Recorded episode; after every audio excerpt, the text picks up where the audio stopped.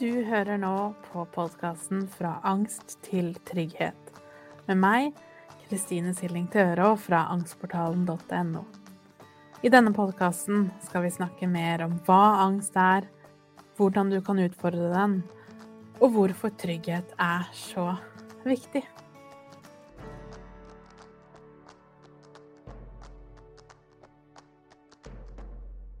Hei og velkommen til episode nummer 18, hvor jeg skal snakke om sosial angst.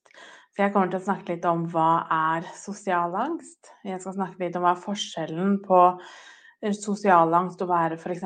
sjenert. Vi skal snakke litt om selvfølelse og selvtillit og sosial angst.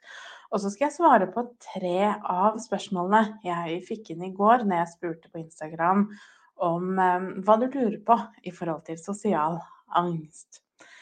Så aller først, hva er sosial angst? Sosial angst, det er jo en frykt for sosiale situasjoner. Men det er jo ofte ikke så lett som det, at det er den sosiale situasjonen i seg selv men heller følelsene og tankene vi knytter opp mot den situasjonen. Så hva tenker de om meg? Hva, hva vil de føle, eller hva vil de tenke hvis jeg gjør sånn og sånn? Eller en frykt i etterkant, eller en, en tankespinn i etterkant på hvorfor sa jeg det, eller hvorfor sa jeg ikke det. Så rett og slett en angst for dagligdagse situasjoner hvor du møter andre mennesker. Og ifølge Norsk helseinformatikk så er det på et gitt tidspunkt regnet med at 2-5% av befolkningen har sosial angst. Og i løpet av livet vil 10-15% oppleve perioder med sosial angst. Så omtrent halvparten av de menneskene som sliter med sosial angst, har også da en generell angstlidelse med tillegg av frykt for og unngåelse av de fleste sosiale situasjoner. Og så står det også at kvinner rammes oftere enn menn, men like mange menn som kvinner søker hjelp for problemene. Så sosial angst debuterer ofte i ung alder, og hyppigst debutalder er 14 16 år. Og for 95% debuterer tilstanden før 20 års alder. Og så står det også nevnt at de fleste som søker hjelp, de har hatt symptomer i minst ti år. Som betyr at man i enormt lang tid har hatt det ganske vanskelig før vi søker, angst, nei, før vi søker hjelp. Noe jeg tror egentlig er ganske felles for det meste av angst, av ulike årsaker. Eh, og jeg, en av de tingene jeg ønsker med denne podkasten, er jo nettopp til å også motivere til å få hjelp tidligere. For jeg tror veldig mange har en, en sperre på å snakke om problemene. Men jeg tror også at vi ofte føler at det jeg føler på, ikke er, um, ikke er alvorlig nok til å få hjelp. Når det jo absolutt ikke er sånn det fungerer i det hele tatt. For som jeg har sagt flere ganger, de aller fleste av oss, egentlig alle sammen, skulle jo hatt noen å snakke med for å bare snakke om hvordan livet er, hva vi føler, hva vi har gått igjennom osv. Uansett om, om det er en alvorlig situasjon eller ikke. Så det var litt sånn basisen om sosial angst. Så tenkte jeg jeg skulle starte med det ene spørsmålet her, for det tar oss litt mer over på sjenerthet og dette her med introvert og ekstrovert. Så spørsmålet er hvorfor har noen sosial angst, mens andre er helt motsatt og elsker sosiale settinger? Og da tenker jeg vi må rydde litt i begrepene. Fordi det er fullt mulig å ha sosial angst og samtidig elske sosiale settinger. Altså at du er en ekstrovert som får energien din fra andre mennesker. Til motsetning til oss introverte som trenger mer tid på å lade på egen hånd. Og det er sånn vi samler energi. Sånn at sosial angst har ikke nødvendigvis så mye om du liker sosiale settinger eller ikke. Men så tør jeg kanskje påstå at når det kommer til sosialangst, så er det kanskje hakket tøffere og samtidig være ekstrovert. Fordi du tross alt trenger de sosiale situasjonene um, for å ha det bedre. og samtidig er det jo de, de situasjonene som trigger angsten mest. Og sosial angst da er jo noe som er, har en høyere alvorlighetsgrad enn å bare like å være sosial. Og når vi skal jobbe med den sosiale angsten vår, så er det også da viktig å spørre seg selv hvorfor unngår jeg disse situasjonene? Fordi det er ganske stor forskjell på om jeg unngår situasjonene fordi jeg genuint ikke liker det, eller ikke liker disse menneskene. De får meg ikke til å føle meg vel. Jeg føler at jeg må endre meg når jeg er med de, f.eks. Og en med sosial angst som vil da føle at det, det, handler ikke om de menneskene. De kan være de, de fineste, hyggeligste menneskene som fins. Men allikevel så kjenner jeg en indre ensomhet. Jeg føler at jeg sier feil ting. Eller jeg sier ikke de tingene jeg tenker, som gjør at jeg ikke klarer å helt være med i samtalen.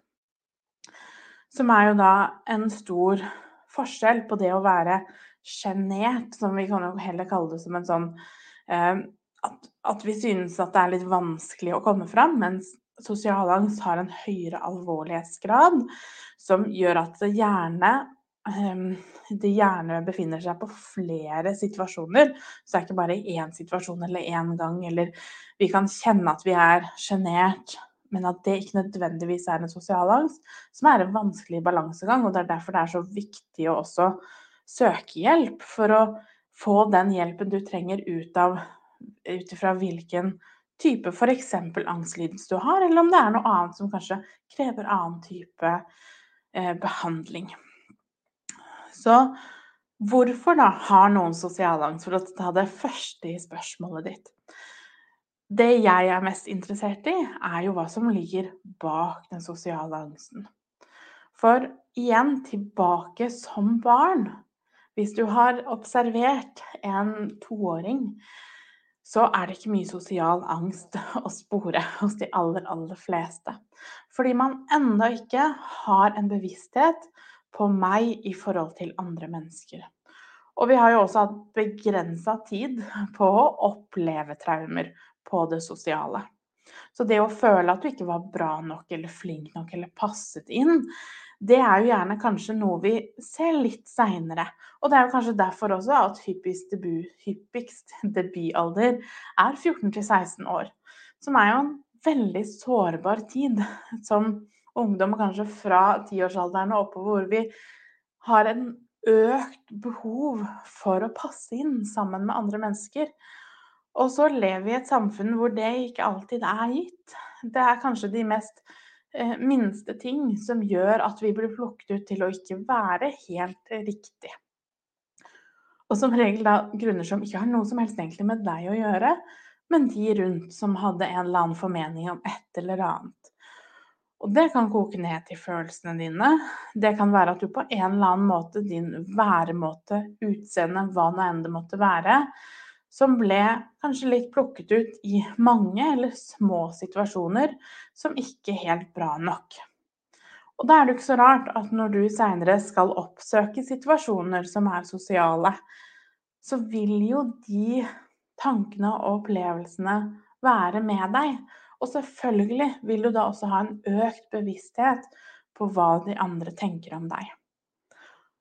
Og sosial angst på samme måte som all annen angst, er jo en beskyttelse.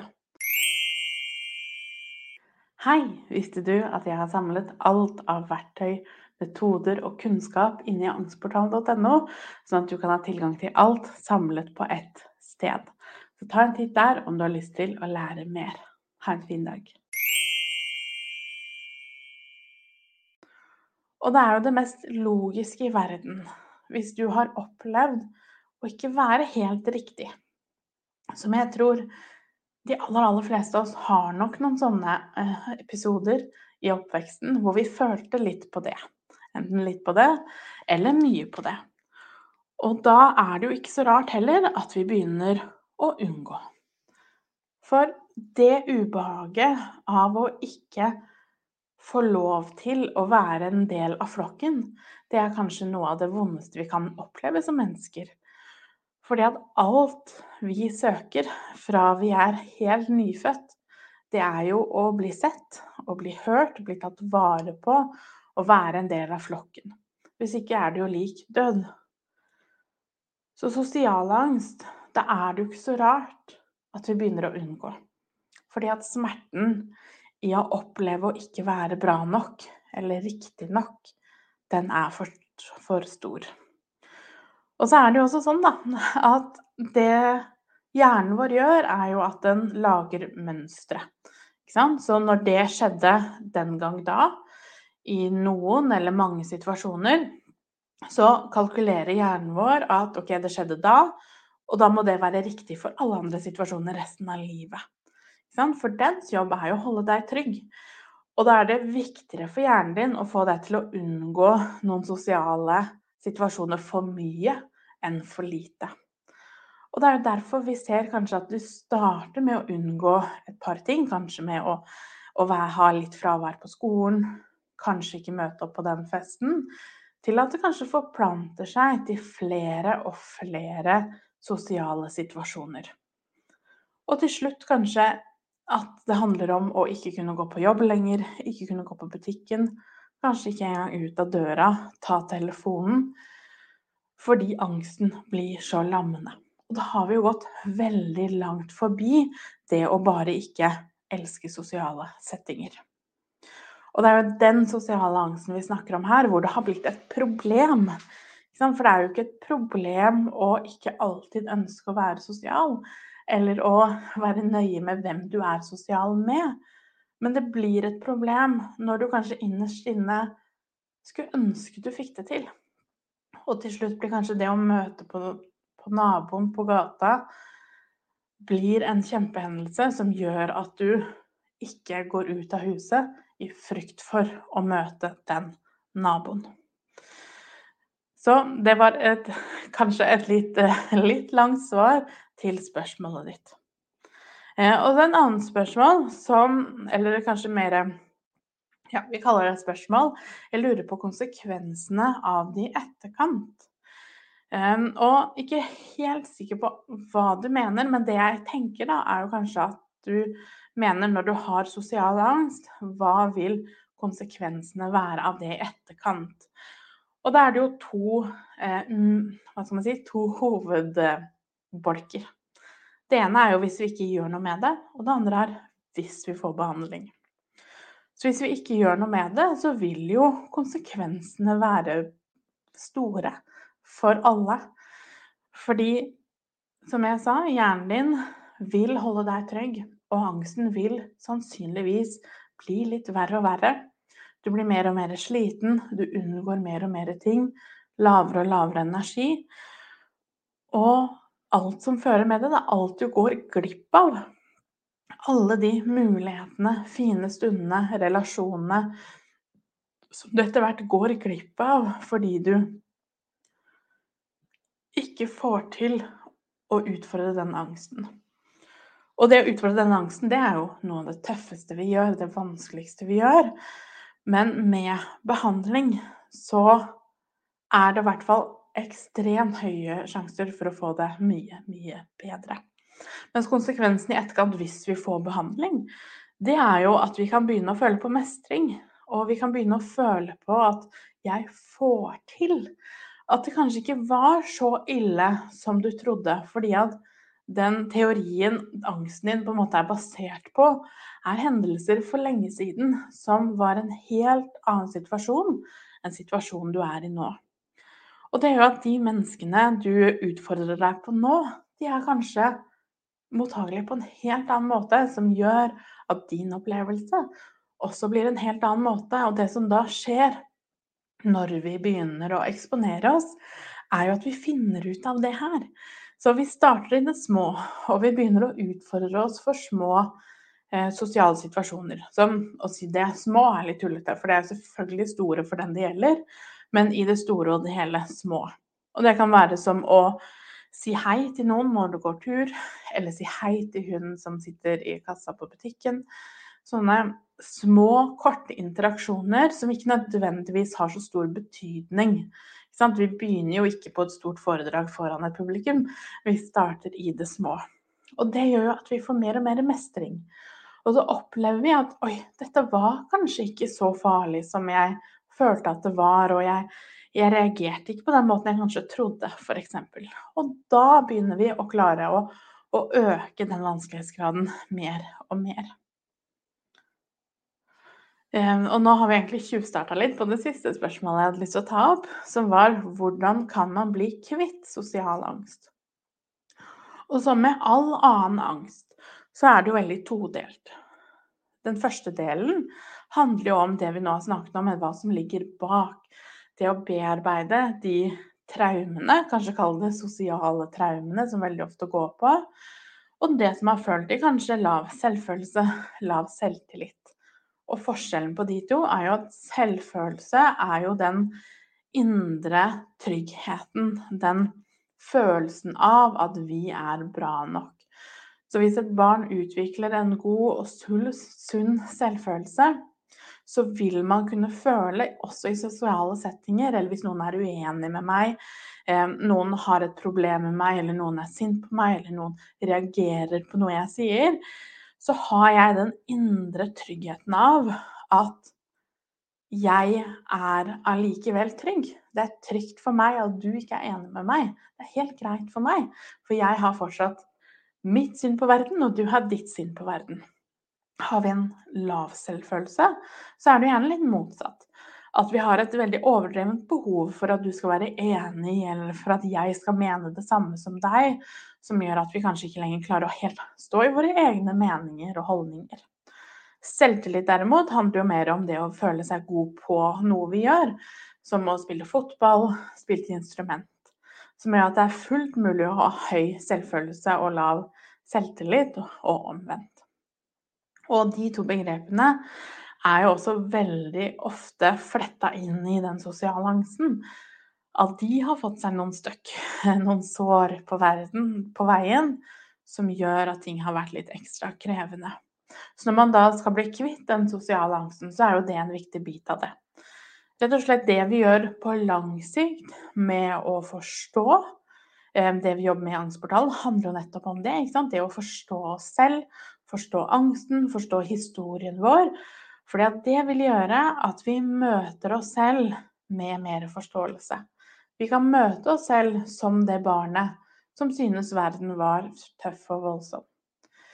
I stedet for å møte oss så hardt og straffe oss selv og skamme oss for alle ting vi ikke får til.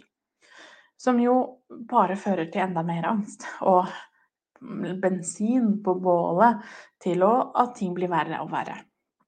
Og del nummer to av absolutt all angst, og som er også veldig gjeldende for sosial angst, det er jo den eksponeringsbiten.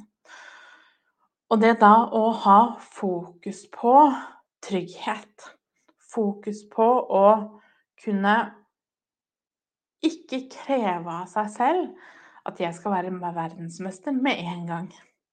Jeg trenger ikke å hoppe i de tyngste, verste situasjonene. For de vil sannsynligvis heller ikke være noe positivt for angsten. Det er ikke en god eksponering. For at vi skal kunne ha en god eksponering, så må vi kunne stå i situasjonene lenge nok til at vi klarer å roe oss ned og gå ut av situasjonen med en god følelse. Og det vil vi jo ikke klare hvis angsten er for høy. Derfor må vi begynne i det små. Vi må øve på førstehjelp, og vi må øve på å regulere følelser og nervesystemet, og alle disse tingene. Og så må vi gå ut i verden og legge en tydelig plan og gjøre ting steg for steg. Og hvis du nå hører på denne episoden før 19. mai, så skal jeg ha den dagen klokka 20, eh, altså klokka 8 på kvelden, et webinar om sosial angst, hvor jeg skal snakke mer om akkurat det her. Så hvis du vil bli med på det, det er helt gratis, da finner du Instagrammen min, Angstpedagogen, og så finner du en link der. Eller du bare sender meg en melding, så skal jeg sende deg linken. For der skal jeg gå litt videre inn på dette med sosial angst. Og hvis det er noen som har noen spørsmål, litt på, så tenker jeg vi kan gjøre det samme som med helseangstepisoden, hvor jeg hadde en sånn spørsmålsrunde i neste episode, så kan vi gjerne også gjøre det med sosial angst. Hvis det er noe etter å ha hørt det her som var uklart, noe du lurer på, noe du vil høre mer om, så vær så snill, si ifra, for da kan vi klargjøre litt, og så kan vi finne litt ut av det sammen. Så ta godt vare på deg selv. Finn linken til webinaret hvis du har lyst til å være med på det, hvis du hører denne riktignok før 19. mai 2022. Og ha en fin dag. For å lære mer om angstmestring og mine metoder, så går du til angstportalen.no. Du finner meg også på Instagram som Angstpedagogen, og på Facebook som angstportalen.no. Der har jeg også en gratis Facebook-gruppe hvis du har lyst til å komme i gang og bli kjent med andre som har det på samme måte.